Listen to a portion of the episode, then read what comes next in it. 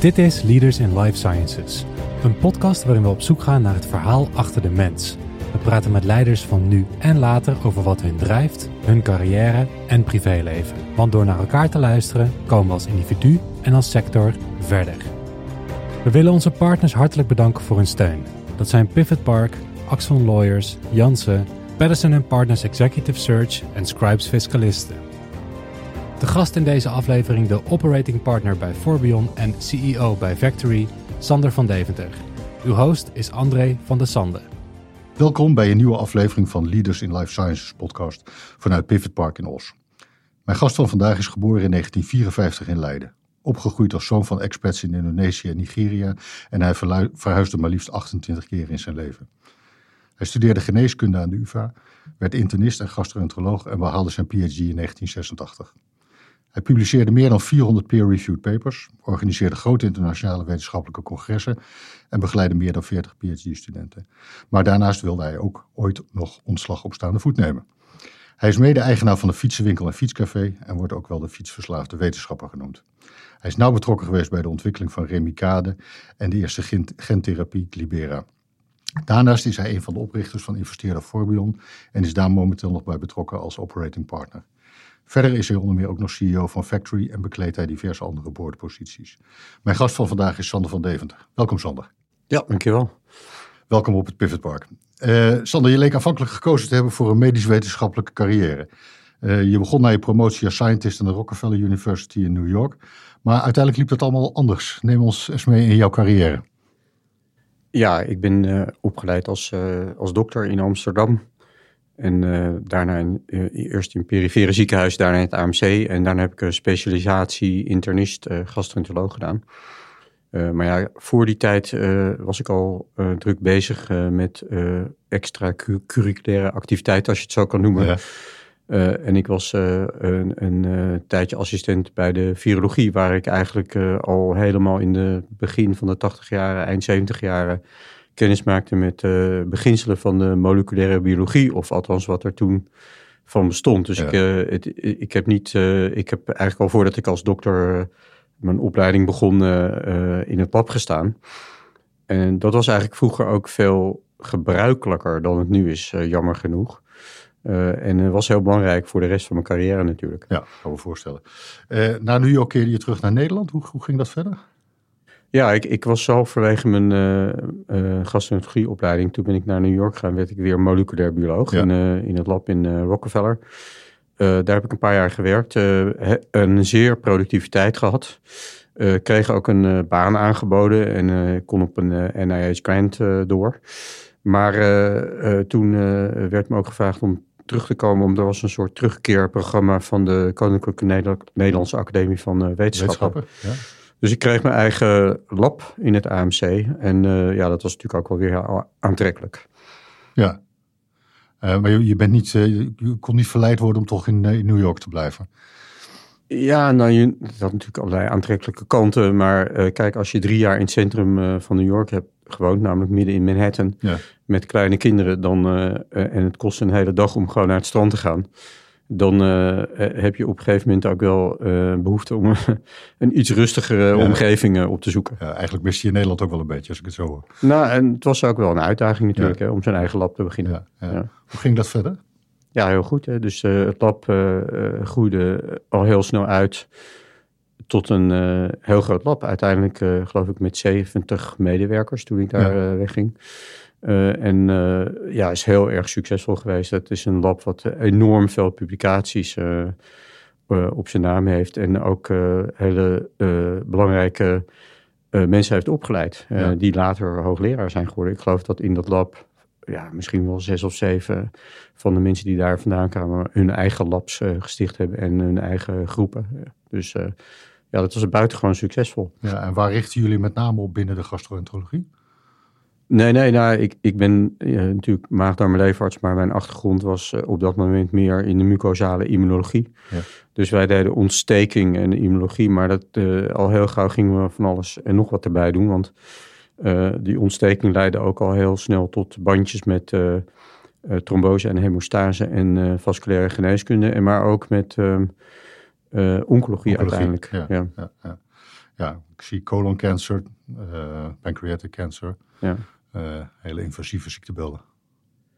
Ja, nee, op dit moment is er, zijn er nog, ik zal maar zeggen, dochters van dat lab. die bestaan in het AMC en één daarvan is een belangrijk oncologisch lab inderdaad. Ja, oké. is dat het moment waarop je ooit besloten hebt om de overstap te maken naar het bedrijfsleven, naar nou, dat was daarvoor al. Hè. Dus ik, uh, toen ik in New York uh, uh, wetenschapper was, toen werd mij gevraagd door um, Rockefeller University en ook door mijn baas om af en toe due diligence te doen op biotechbedrijven. Ja. Dus dat was al in het eind van de tachtige jaren. En ja, dan werd ik naar Californië gestuurd of naar, naar Boston om eens te kijken of een biotechbedrijf inderdaad deed wat het zei dat het deed. Ja. Uh, en dus vanaf die tijd ben ik daar al bij betrokken. En ook natuurlijk uh, die geneesmiddelenontwikkeling. Uh, de eerste patiënt met Remicade is al in, in Amsterdam in de tijd in 1991 behandeld, ja. geloof ik. En dat was met Centicor. En Centicor was natuurlijk ook een start-up bedrijf. Dus ik was daar gewoon ja, heel nauw bij betrokken. Ja, wel een enorme vlucht genomen heeft natuurlijk daarna. Ja, ja, en uh, nou, Remicade is natuurlijk een fantastisch verhaal, maar ook allerlei andere antistoffen zoals natalizumab en uh, vedolizumab. Uh, dus eigenlijk uh, de meeste patiënten op dit moment met inflammatoire darmziekte worden wel met een van deze maps behandeld. Ja. ja, het is natuurlijk buitengewoon interessant om daarbij de ontwikkeling ja. betrokken ja. geweest te zijn. ja. En vanuit het AMC heb je uiteindelijk de overstap gemaakt naar uh, AMT, tegenwoordig, tegenwoordig uh, Unicure. Ja, nou, we hadden in 98 al uh, Unicure of AMT, zoals het toen heette, opgericht. Ja. en um, ik was daar wetenschappelijke natuurlijk founder van. en ook adviseur. En dat ging een tijdje, ging dat, modderde dat een beetje aan, om het zo maar te zeggen. En uh, op een gegeven moment dacht ik van ja, op deze manier wordt het niks. Uh, en ik moet het zelf maar gaan doen. Ja, en dan kom je dus... Uh, en ik was de, het hoofd van de afdeling maagdarm maar leverziekte op dat moment. Ja, ja dan kom je tot de keuze of je de academie verlaat of niet. Hè. Dus de, het romantische idee van de wetenschapper die daarnaast een bedrijfje heeft... dat, dat had ik al, al lang opgegeven natuurlijk. Ja. Dus uh, ja, dan, uh, dus die, oh, ik, ik had het uh, bestuur van, van het AMC op, op, hoogte gesteld, op de hoogte gesteld dat ik dat ging doen. Ja, niemand geloofde het eigenlijk. Hè. Dat was in 2004. geloofde echt niemand dat je als hoofd van zo'n grote afdeling de keuze zou maken om bij een Niemendal biotechje ja. met een onzekere toekomst, ja. je, dat je daar die overstap ging maken. Dus uh, dat was wel interessant, want uh, ik, iedere maand uh, meldde ik dat bij de raad van bestuur. En iedere keer kijken ze me aan van, is die jongen ons aan het belazeren of wil die opslag of zo? Maar ja, ik meende dat echt. Dus op een gegeven moment zei ik, ja jongens, nu ben ik weg, want ik heb dat al heel lang aangekondigd. Dat was het moment waarop je geprobeerd hebt om ontslag op staande voet te nemen. Ja, toen merkte ik dus dat je als ambtenaar geen ontslag op staande voet kan nemen. En, maar goed, het is allemaal wel goed gekomen. Maar um, uh, ja, toen, toen, toen ben ik daar gewoon uh, met, ja. mijn, met mijn laarzen in de modder gaan staan. Ja, precies. Ja. Ik had een tijdje geleden Hanneke Schuitenmaker in de podcast. En die zei van nou, toen die stap maakte naar de industrie, ben ik ongeveer met pek en veer vertrokken. Is dat ook de manier waarop naar jou gekeken werd? Of? Ja, ja, absoluut. En misschien nog steeds wel een beetje. Maar het, het, het slijt wel in de loop van de tijd.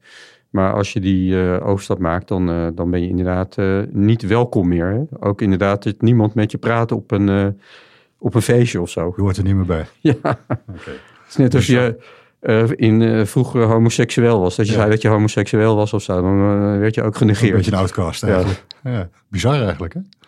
Nou ja, het, het, maakt allemaal niet zoveel uit. Kijk, mensen hebben geen idee waar ze, waar ze, waar ze over praten. Dus nee. ik krijg ook allerlei vragen van ja, maar mis jij dan niet de wetenschap? En dat was op een moment dat wij um, als klein bedrijf veel meer publiceerden dan een hele grote academische afdeling. En mensen ja. hebben geen idee. Gewoon. Ja. Ja. Uh, vanuit Forbion was een van de volgende posities die je in hebt ingenomen, was CEO van Decima Pharma. Ja. ja, dat was een stuk later. Kijk, ik was betrokken bij, als adviseur bij ABN AMRO. Dat was misschien nog wel het ergste, dat ik, uh, dat ik adviseur was bij ABN AMRO. Dat was, uh, in de academische kringen was dat misschien nog wel erger dan dat ik overstapte naar, uh, naar Dat je voor een bank werkte. Ja, voor een bank, ja. ja. Dus, maar goed, vanuit de bank hebben we natuurlijk met een aantal mensen zijn we Forbion gestart. Forbion heeft natuurlijk ook een grote vlucht genomen. En een van de bedrijven die gestart is door door Forbion, maar waar ik de eerste CEO van was en ook aan de wieg van heb gestaan, is Decima Pharma. Ja. En dat was een uh, interessante onderneming, omdat we daar een uh, klein molecuul uh, ingelicenseerd hebben vanuit, vanuit Japan. Ja. Dus dat was wel weer een hele interessante onderneming met veel reizen, veel Tokio en veel thee drinken. Dus dat was een mooie, mooie tijd. En ook, het was ook wel interessant omdat op dat moment alle grote farma's eigenlijk deze target opgegeven hadden. Ja. En wij dachten van, nou ja, er is toch een, eh, een hoop interessants aan. Ja. En uh, ja, tegen alle uh, odds, uh, zou ik maar zeggen, in hebben we dat toen gestart. En dat is nu Nieuw Amsterdam Pharma, beursgenoteerd aan de Nasdaq met een waardering, geloof ik, gisteren van 1,2 miljard. Hè? Dus, ja, ja, ja, ja, En het is uiteindelijk verkocht aan Amgen? Ja, want er was een interessante tussenstap. Ja. Dus Amgen die dacht, nou, die vond het wel interessant. We hebben een Lancet-publicatie uh, gehad met uh, buitengewoon goede resultaten. En toen heeft Amgen dat gekocht. Maar ze hadden een ander product, uh, een moleculare antistof, Repata. En ze hadden niet gedacht dat ze daar nog heel veel geld achter moesten gooien. Want die autoriteiten, de FDA en zo, die vroeg toch om additionele studies. Dus zij moesten daar nog, zeg maar, een slordige miljard uh, achteraan gooien. En ze hadden natuurlijk geen, geen geld meer om, om deze compound te ontwikkelen. Dus dat heeft een tijdje op de, op de shelf gelegen, op de plank. En uh, ja, wij werden daar steeds, steeds narriger over. En uh, toen hebben een andere partner bij Formion en John Kastelein echt heel veel moeite ingestoken om dat weer terug te krijgen. En dat is nu Amsterdam Pharma geworden. Ja. Dat is dus gelukt, ja. ja wonderbaarlijk. Uh, goed eigenlijk uh, wat zijn product uh, aflegt. Ja. Dat hoor je niet vaak. Ja. goed, op voorbeeld zelf komen we zo nog even wat uitgebreider te spreken. Ondertussen ben je ook nog professor in Leiden op dit moment? Ja, nou niet meer. Niet of meer? emeritus, hè, want je wordt, oh, je wordt gepensioneerd en daar heb je weinig over te zeggen. Dat is ongeveer hetzelfde moment dat je korting op OV krijgt, word je daar bij de universiteit uitgegooid. Ja. Ik heb nog één promovendus trouwens, die promoveert volgende week. En uh, dan is dat de laatste, in ieder geval in, uh, in Leiden dan. Ja. Ja. Je, je, je, klinkt een beetje alsof je het eigenlijk een hele rare gang van zaken vindt dat je gedwongen wordt om te vertrekken. Ja, waarom? Hè? Dus ik heb ja. uh, heel veel promovendi naar Leiden gebracht. Ze hebben er nooit een cent aan betaald, maar wel iedere keer strijken ze natuurlijk een ton op. Dus uiteindelijk heb ik de universiteit ja, toch meer dan een miljoen netto opgeleverd. Ja met hele goede promovendi, hele goede publicaties. Staat allemaal op, uh, uh, ja, wordt er allemaal bij opgeteld. Hè? Hoe de Universiteit van Leiden uh, presteert. En ja, ik heb nooit, ik bedoel, ik heb daar geen salaris of zo. Ik zit niemand in de weg. Dus nou, het is hun probleem. Het is niet mijn probleem. Maar... Ja, toch jammer. Ja, de, ik heb het nog niet meegemaakt. Rockefeller of Harvard of Princeton of weet je wel, die doen dat niet. Nee, precies. Ja. Ehm, we hadden het net in de intro al even over de fietsverslaafde professor. Uh, want en passant, naast al deze activiteiten heb je ook nog Fisker Cycles ja. uh, opgericht. Uh, wat is daar het verhaal achter? Nou ja, ik, ik fiets al heel lang en ik vind het wel leuk en zo. En vroeger ook wel in de competitie.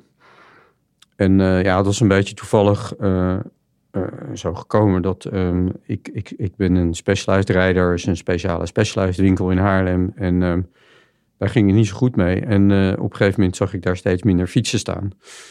En een van de jongens in de winkel ken ik heel goed. En uh, zo'n prima kerel.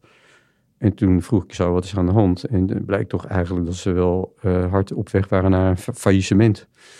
Toen dacht ik, ja, nou moet ik zeker met mijn fiets naar Amsterdam voor service. En dat gaat toch echt niet gebeuren. Het is eigenlijk puur eigen belang dat je erin ja, gestapt ja, absoluut, Ja. En, maar ja, goed, daarna is het wel heel goed gegaan met die winkel. En uh, we hebben nog een uh, winkel ook geopend in uh, Zoetermeer. Oh ja. We hebben nu een tweede winkel in Haarlem daarbij. En we doen nu ook veel meer merken dan Specialized alleen. Dus ik zat wel redelijk in de fietsenwereld, maar nu zit ik er echt heel goed in. Want ik spreek ook direct met de merken en ja. we zijn dealer. En, voor, en dan is er ook nog een fietscafé.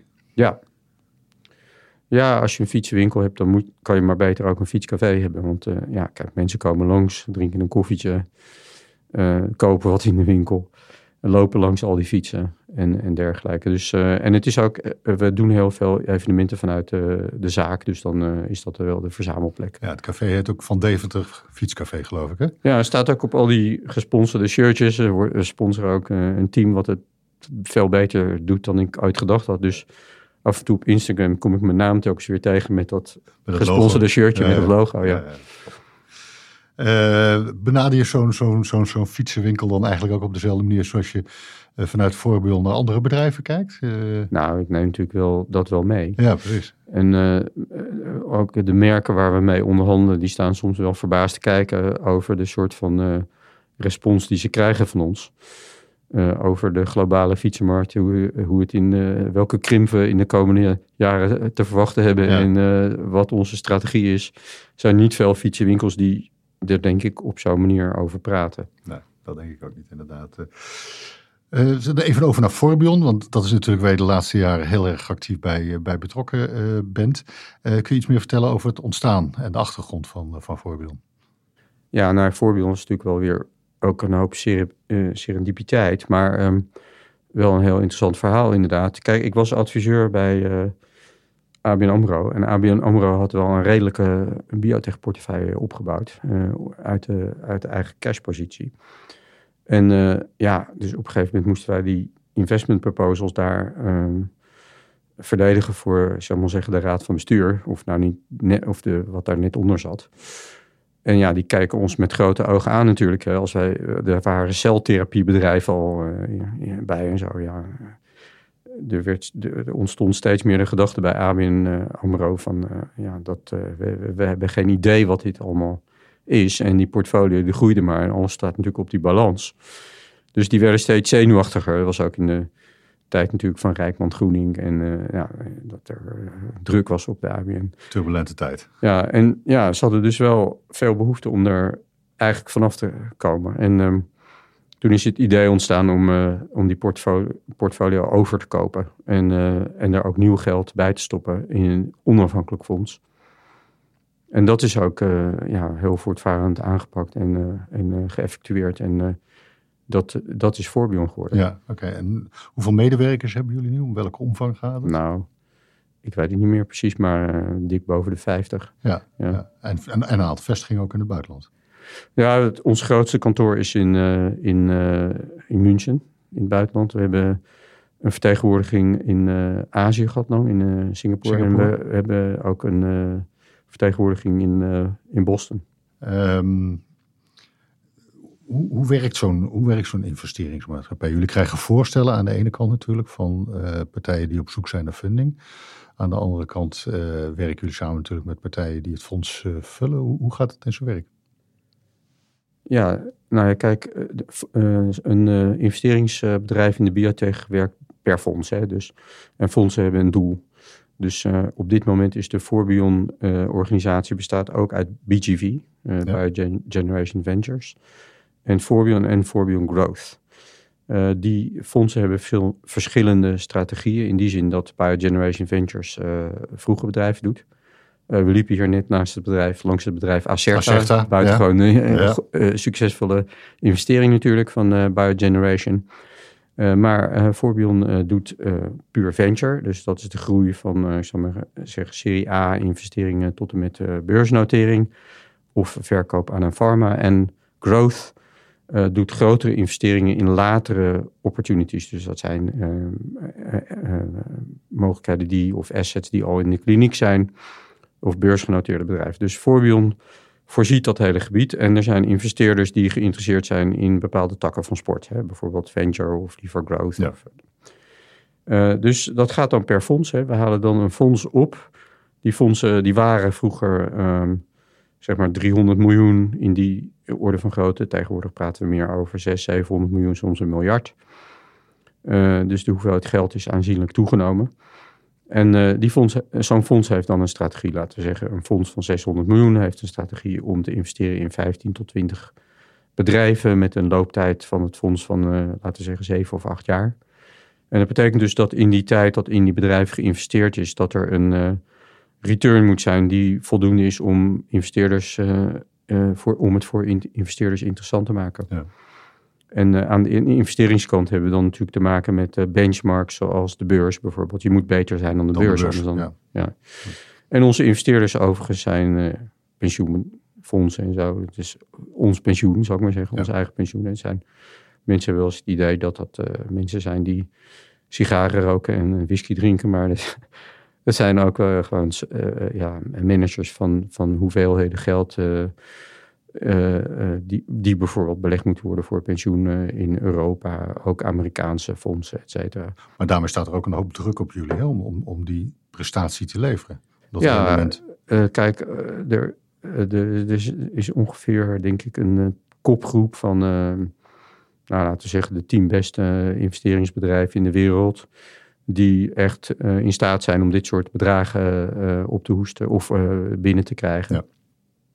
En daaronder is er een, een, groep van, laten we zeggen, 25, 30 procent die het beste oké doet.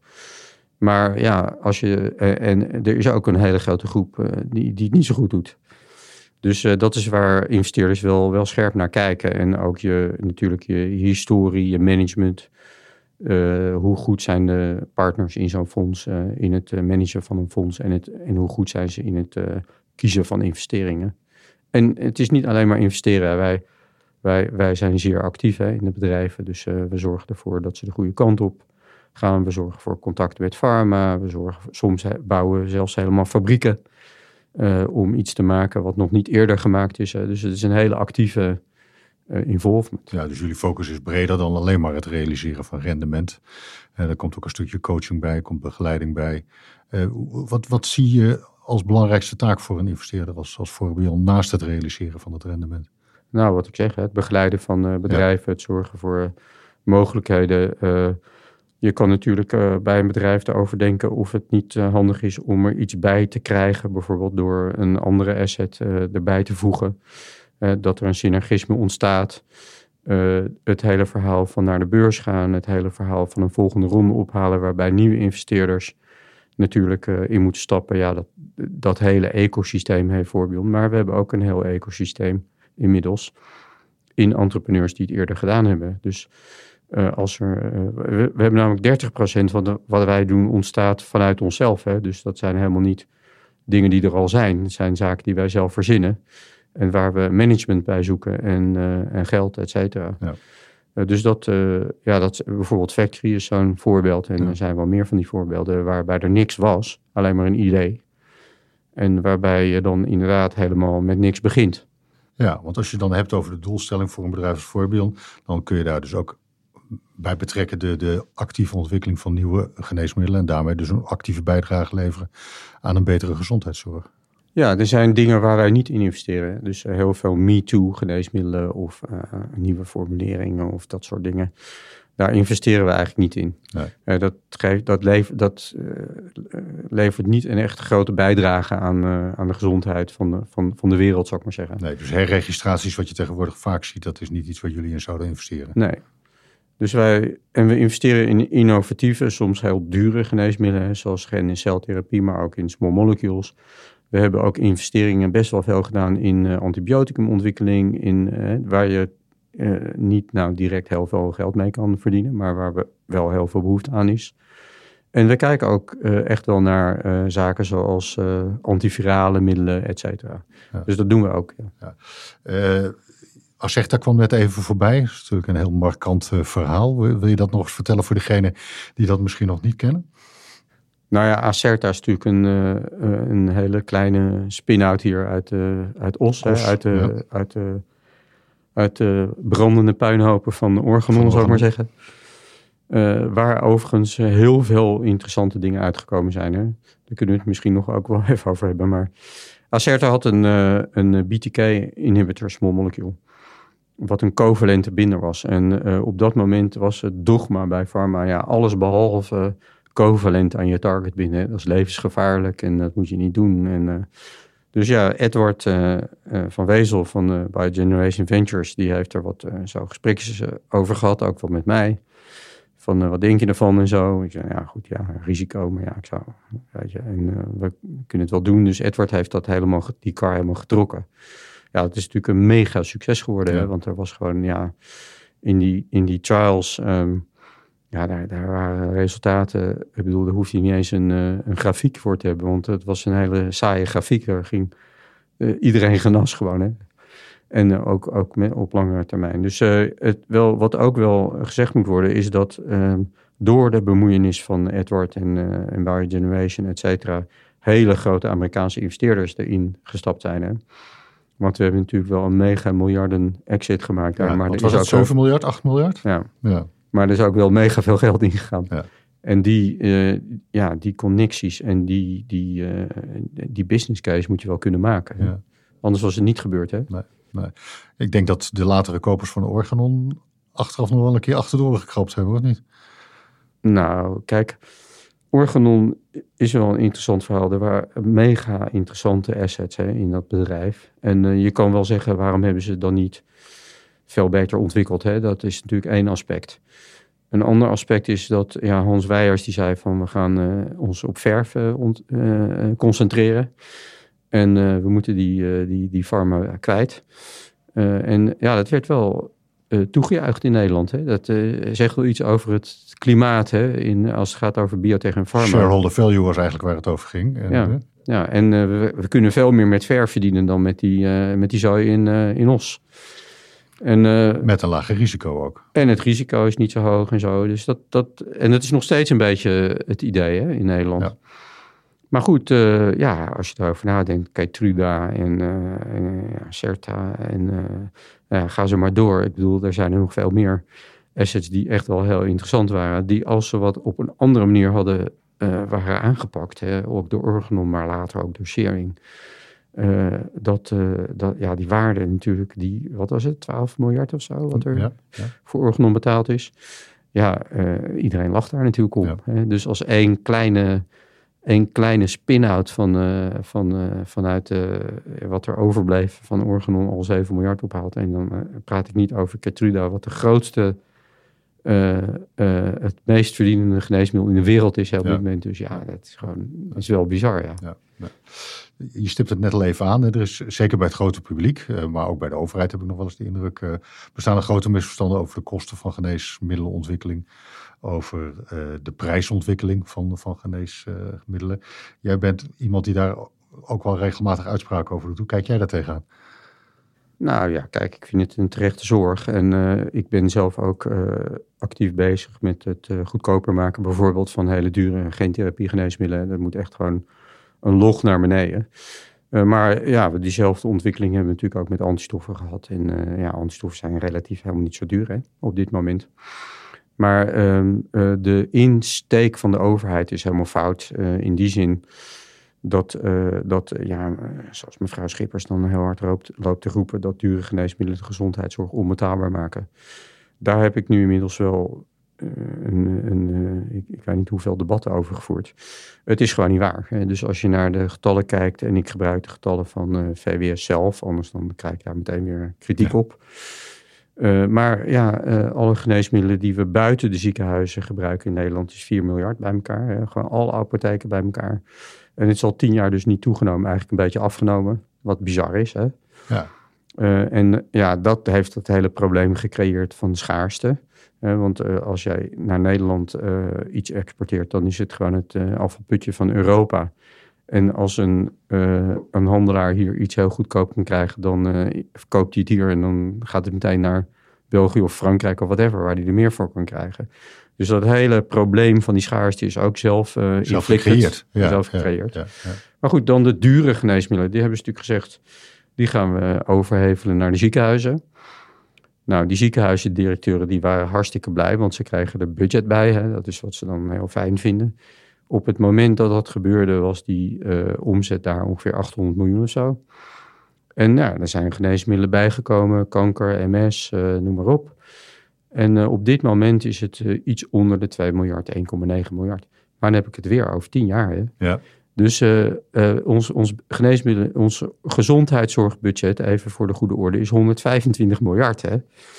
Dus die, die, die geneesmiddelen is nog steeds maar 8, 9 procent. Ja. En ik hoor ze alleen maar klagen en, Overstijgen en, en, zeuren. En ja. het, gaat weer, het gaat heel, loopt helemaal fout. Ja. En, uh, ja. Maar het is gewoon niet waar. Het is gewoon niet waar. Maar het is inderdaad gewoon niet waar. Aantoonbaar door de getallen. Uh, het is desondanks een hardnekkig misverstand. Uh, is het dan politiek? Om dan toch iedere keer naar de prijzen van de geneesmiddelen ja, te kijken? natuurlijk. Kijk, het probleem is heel simpel. Hè?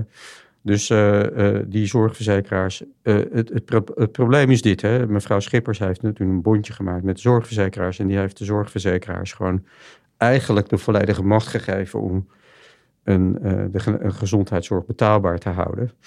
En ja, die grote ziekenhuizen, academische ziekenhuizen, die zitten gewoon met een 2% budget increase per jaar of zo. Ja, die, de verpleegkundigen die gaan nu, weet ik veel, 6 of 8 procent of whatever omhoog. Ja. Dus dat betekent dat zo'n ziekenhuis moet ergens anders snijden. En uh, ja, dan moet dat gewoon in de, in de, ergens vandaan komen. En een van de makkelijke keuzes is dan van dure geneesmiddelen. Ook buiten de ziekenhuizen, als je het hebt over chronische gezondheidszorg. Dan moet je, uh, ja, af en toe moeten er gewoon keuzes gemaakt worden. Dus Nederland geeft enorm veel geld uit aan chronische zorg. Maar dat is ja, bij mensen thuis stofzuigen en, en dat soort dingen. Dat is bij ons gezondheidszorg. Terwijl in andere landen is dat niet zo. Ja, die keuze om dat, om dat, om dat te scheiden, dat is natuurlijk een keuze die de politiek niet graag maakt. Dus om dat soort keuzes te ontlopen, worden dat soort kreten uh, geuit, ja. Ja. En er komt bij dat we, en ik denk dat dat typisch Nederlands is, als ik het zelf tenminste vergelijk met mijn ervaringen in het buitenland, is dat we heel erg kosten gefocust denken. Hmm. En we denken eigenlijk heel zelden in van wat levert het op, uh, maar we denken meer van wat kost het. Het is een beetje Nederlands, denk ik. Hè? Ja, en ook niet, hè? Dus, uh, want het is eigenlijk, uiteindelijk is het duurder. Hè? Dus we hebben, uh, en ik, ik, ik bedoel, ik kan wel een beetje praten hier, maar we hebben het ook gepubliceerd. Hè? Dus uh, op bijvoorbeeld remicade gebied. Als jij patiënten die met een actieve kroon binnenkomen, meteen goed behandelt met remicade, dan drie doses en je geeft daarna onderhoudsbehandeling met een small molecule, bijvoorbeeld methotrexaat of Imuran. Ja, we hebben uh, echt een vergelijkende studie gedaan met hoe het nu gaat hè, met steroïden en dan Imuran. Ja. En als het dan uit de hand loopt, dan mag je een duur geneesmiddel krijgen. En uh, ja, het verschil is dag en nacht. Hè. Dus die behandeling van uh, hard toeslaan en onderhoudsbehandeling, die A, werkt veel beter. Maar B, op de langere termijn is de hoeveelheid, de dosis remicade over die vier jaar zijn eigenlijk niet verschillend. In feite een beetje hoger in de step-up approach. Nou, dus je, je schiet er helemaal niks mee, mee op. De patiënt is langer ziek, komt vaker, vaker in het ziekenhuis, krijgen steroïden met veel bijwerkingen. En als je dus nu de richtlijn in Nederland bekijkt, dan is het nog steeds step-up. Ja. Uh, dus is onbegrijpelijk. Ja. Ja. Ja. Terwijl het aangetoond is dat ja, beter is om het anders te doen. Inderdaad. Even een overstapje maken naar je, naar je privéleven. Ik zei het in de intro al. Uh, je bent een expat-kind. Je vader werkte voor, uh, voor Shell. Dus dan kom je terecht in landen als Nigeria en Indonesië. Hoe heb je die tijd ervaren? Wat heeft het met je gedaan? Nou, kijk, ik, het is wel zo. Uh, toen ik in, in, Nederland terecht kwam, toen had ik eigenlijk nog nooit ja, dingen zoals sneeuw en schaatsen en zo. Dat, dat, dat was onbekend. En uh, ik kwam ook, uh, ja, het was een beetje ongelukkige omstandigheden terug in Nederland. Uh, je moet weten, mijn, de, mijn familie van mijn moederskant zijn ook echt kolonialen. Dus die woonden niet alleen na de Tweede Wereldoorlog in Indonesië, maar ook lang daarvoor. Ja. mijn grootvader was burgemeester van Malang en zo. Dus ja, dat was die, niet bepaald een Nederlandse attitude, hè, om het zo maar te zeggen. Het is meer van, ja, als iemand langskomt, uh, feesten, partijen, je gaat meteen koken. En uh, dat, dat viel een beetje tegen in Nederland. Hè. Nuchtere Nederlanders. Ja. En het andere punt was dat um, uh, hij kwam in ongelukkige omstandigheden terug in Nederland. Mijn broer was, werd ziek in Nigeria ja. en overleed daarna in Nederland. En mijn moeder lag ook in het ziekenhuis. En op dat moment nam mijn vader ook een baan aan bij de NAM. Uh, dus hij is... Slochteren? Ja, dat was toen uh, uh, waar zij aan, aanvankelijk boorde was in de buurt van Oldenzaal, oh, okay. Schoonhoven. Maar hij is inderdaad ook betrokken geweest natuurlijk bij wat uiteindelijk die, de, de Groningen ellende geworden is. Maar dat was veel en veel later. Maar het resultaat was wel dat ik daar op een dorpsschool in, in Oldenzaal terecht kwam met ja, twee grote klassen. En kinderen die ik gewoon met geen mogelijkheid kon verstaan. Dat was wel, ja, toch wel een redelijke cultuurschok. Ik kan me voorstellen, Ja. je was wel echt een vreemde eend in de bijt, of Ja. niet? Eh, Ja. ja. Ze keken ook raar naar jou Ze waarschijnlijk. kijken heel raar naar ons. Ja, grappig. Ehm, broers, zussen? Eh, Ja, dus ik, mijn oudste broer is overleden toen. Dus, eh, en ik heb een jongere broer uit dat huwelijk. En dan heb ik nog eh, een broer en een zus uit het tweede huwelijk van mijn vader. En een zuster uit het tweede huwelijk van mijn moeder. Dus het is een eh, gecompliceerde familie met inmiddels veel neven en nichten En en, eh, whatever. Maar het is wel een heel gezellige familie, moet ik zeggen. ja, het, Ja. feit, het feit dat je broertje overlijdt, is natuurlijk een dramatische gebeurtenis als je zo, eh, zo jong was. Heeft dat op de een of andere manier nog impact gehad op je studiekeuze? Nou ja, het is moeilijk te zeggen, maar ik denk vast wel, ja.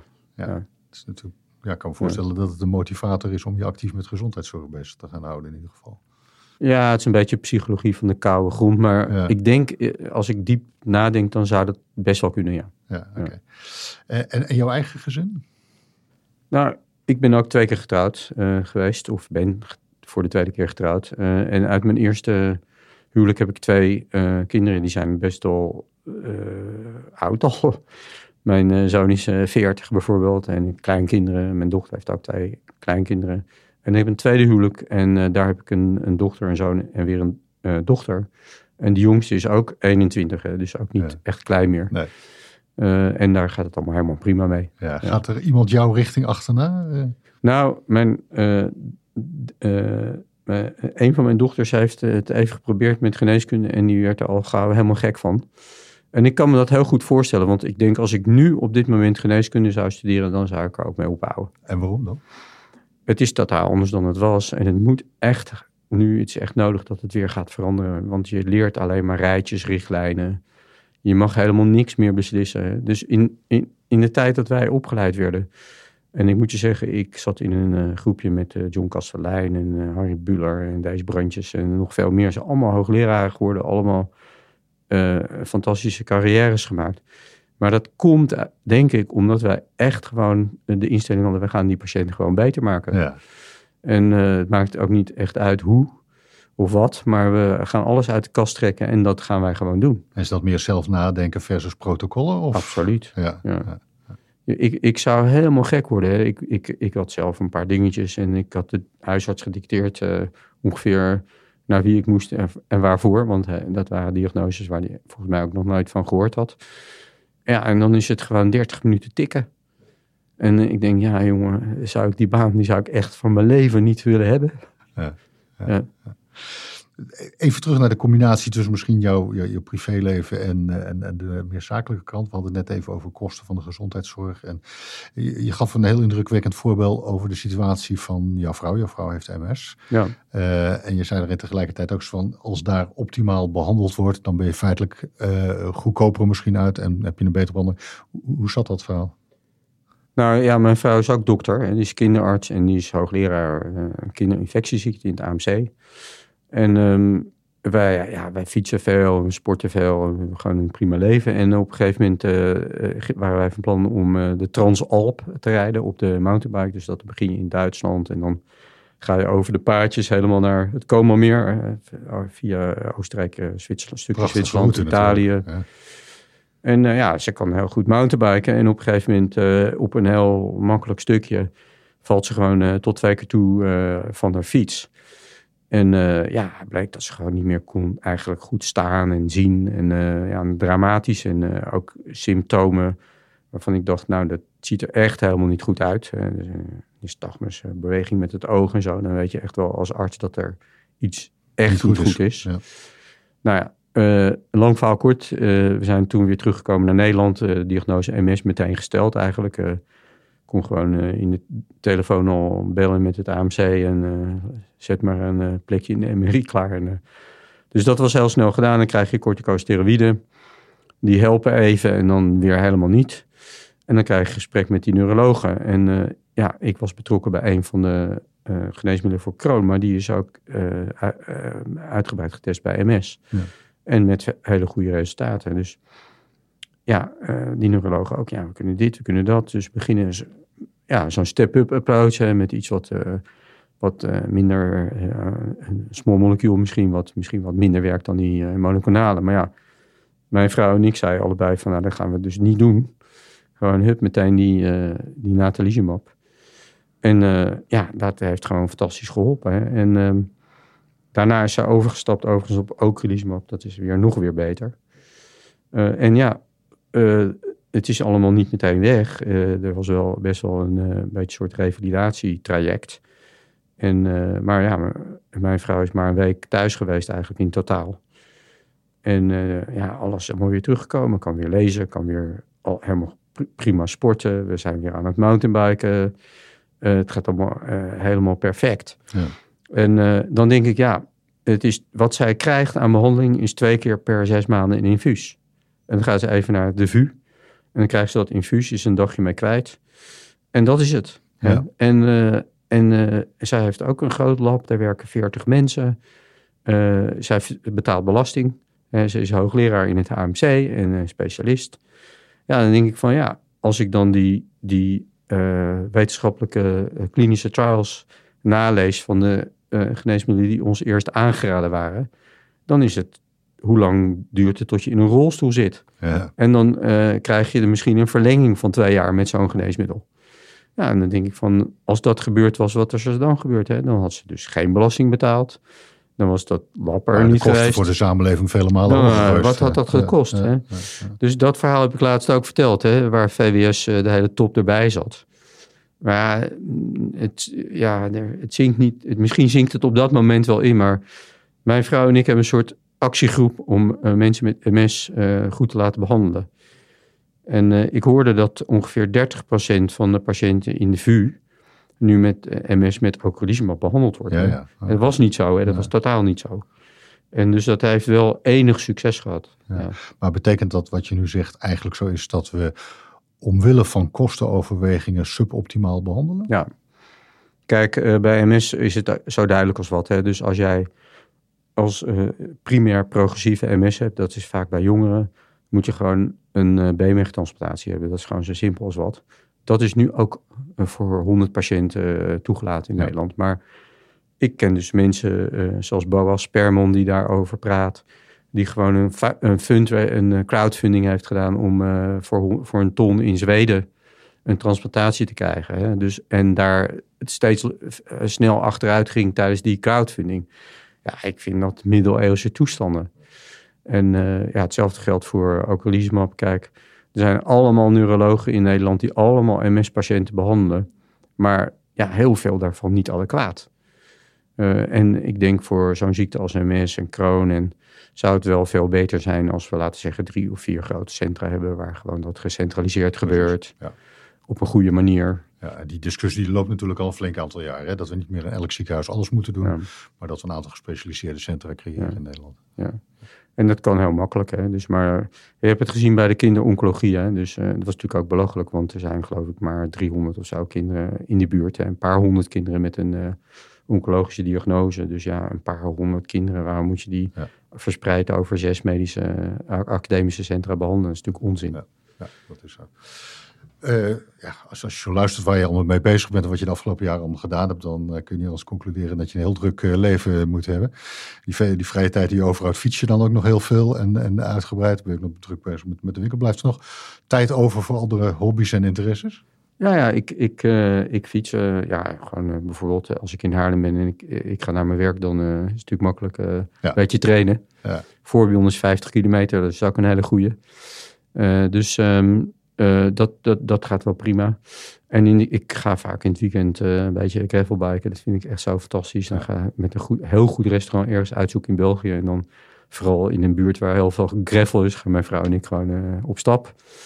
en ik, ik, ja, ik, ik ga heel veel naar muziek. Dus ik ga naar, ik hou van jazz en klassiek en opera. Dus ik ga naar het Bimhuis en naar Geweldig. het concertgebouw en naar ja, Stopera. Dus ik heb daar allemaal abonnementen lopen. Dan ja, want je, je hebt zelf vroeger ook viool gespeeld in een orkest, geloof ik. Of? Ja, ja, ook ja. ja.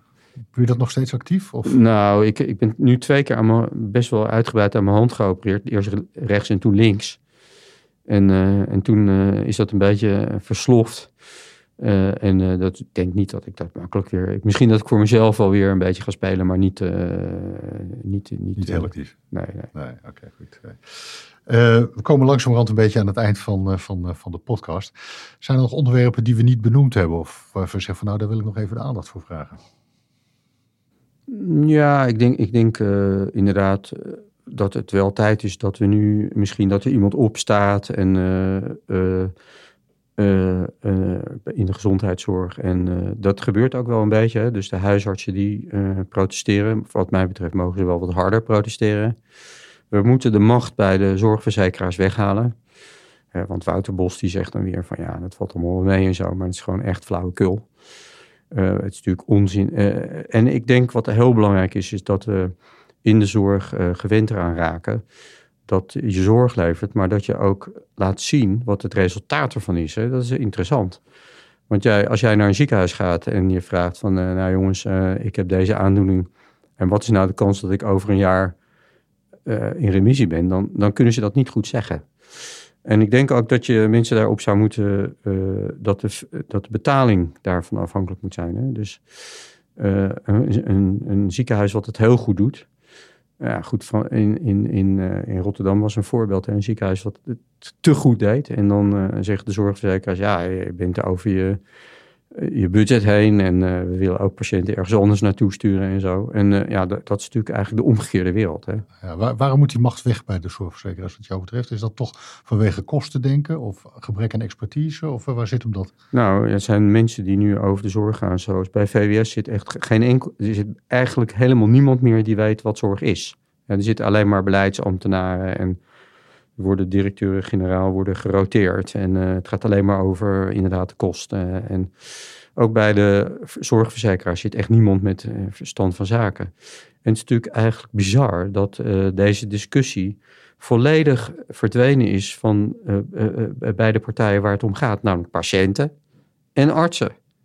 Die hebben daar helemaal niks meer over te zeggen. Ja, dat moet gewoon veranderen. Dat kan natuurlijk gewoon niet. In het voorgesprek zei je het wordt tijd voor revolutie, voor een revolutie. Ja. Bedoel je daar dit mee? Of? Nou ja, dat vind ik wel, ja. En uh, ik, ik keek er, ik zat een beetje te kijken van de, de uh, huisartsen die wilden natuurlijk dat, uh, dat de convenant niet sluiten. En ik had eigenlijk gehoopt dat ze het niet gedaan hadden. en dat daar op grond daarvan die discussie zou beginnen. Want dat dan, zou dan het beginnetje zijn. Ja. Maar ja, die discussie moet ook in de ziekenhuizen gevoerd worden. En het, het moet echt veranderen nu. Ja. En zoals ik je nu heb leren kennen, zul je ook graag daar een actieve bijdrage aan leveren als je die kans krijgt? Ja, ik vind, het, ik vind dat, dat vind ik uh, een goed doel. Ja, dat vind ik echt een goed doel. Ja, oké, goed. Bedankt voor je komst naar Pivot Park. Bedankt voor dit gesprek, uh, Sander. Erg leuk om uh, te horen. En we blijven je natuurlijk met belangstelling volgen. Ja, dankjewel. Dit was Leaders in Life Sciences. Dankjewel voor het luisteren. Vond je iets van deze aflevering? Wij ontvangen graag jouw feedback. Wat houdt bijvoorbeeld jou bezig en over wie wil je meer horen? Laat het weten via een Apple of een Google review. Of stuur een berichtje via social media of natuurlijk gewoon per mail. Onze waardering is groot. Tot slot nog dank aan onze partners, dat zijn Pivot Park, Axon Lawyers, Jansen, Patterson Partners Executive Search en Scribes Fiscalisten.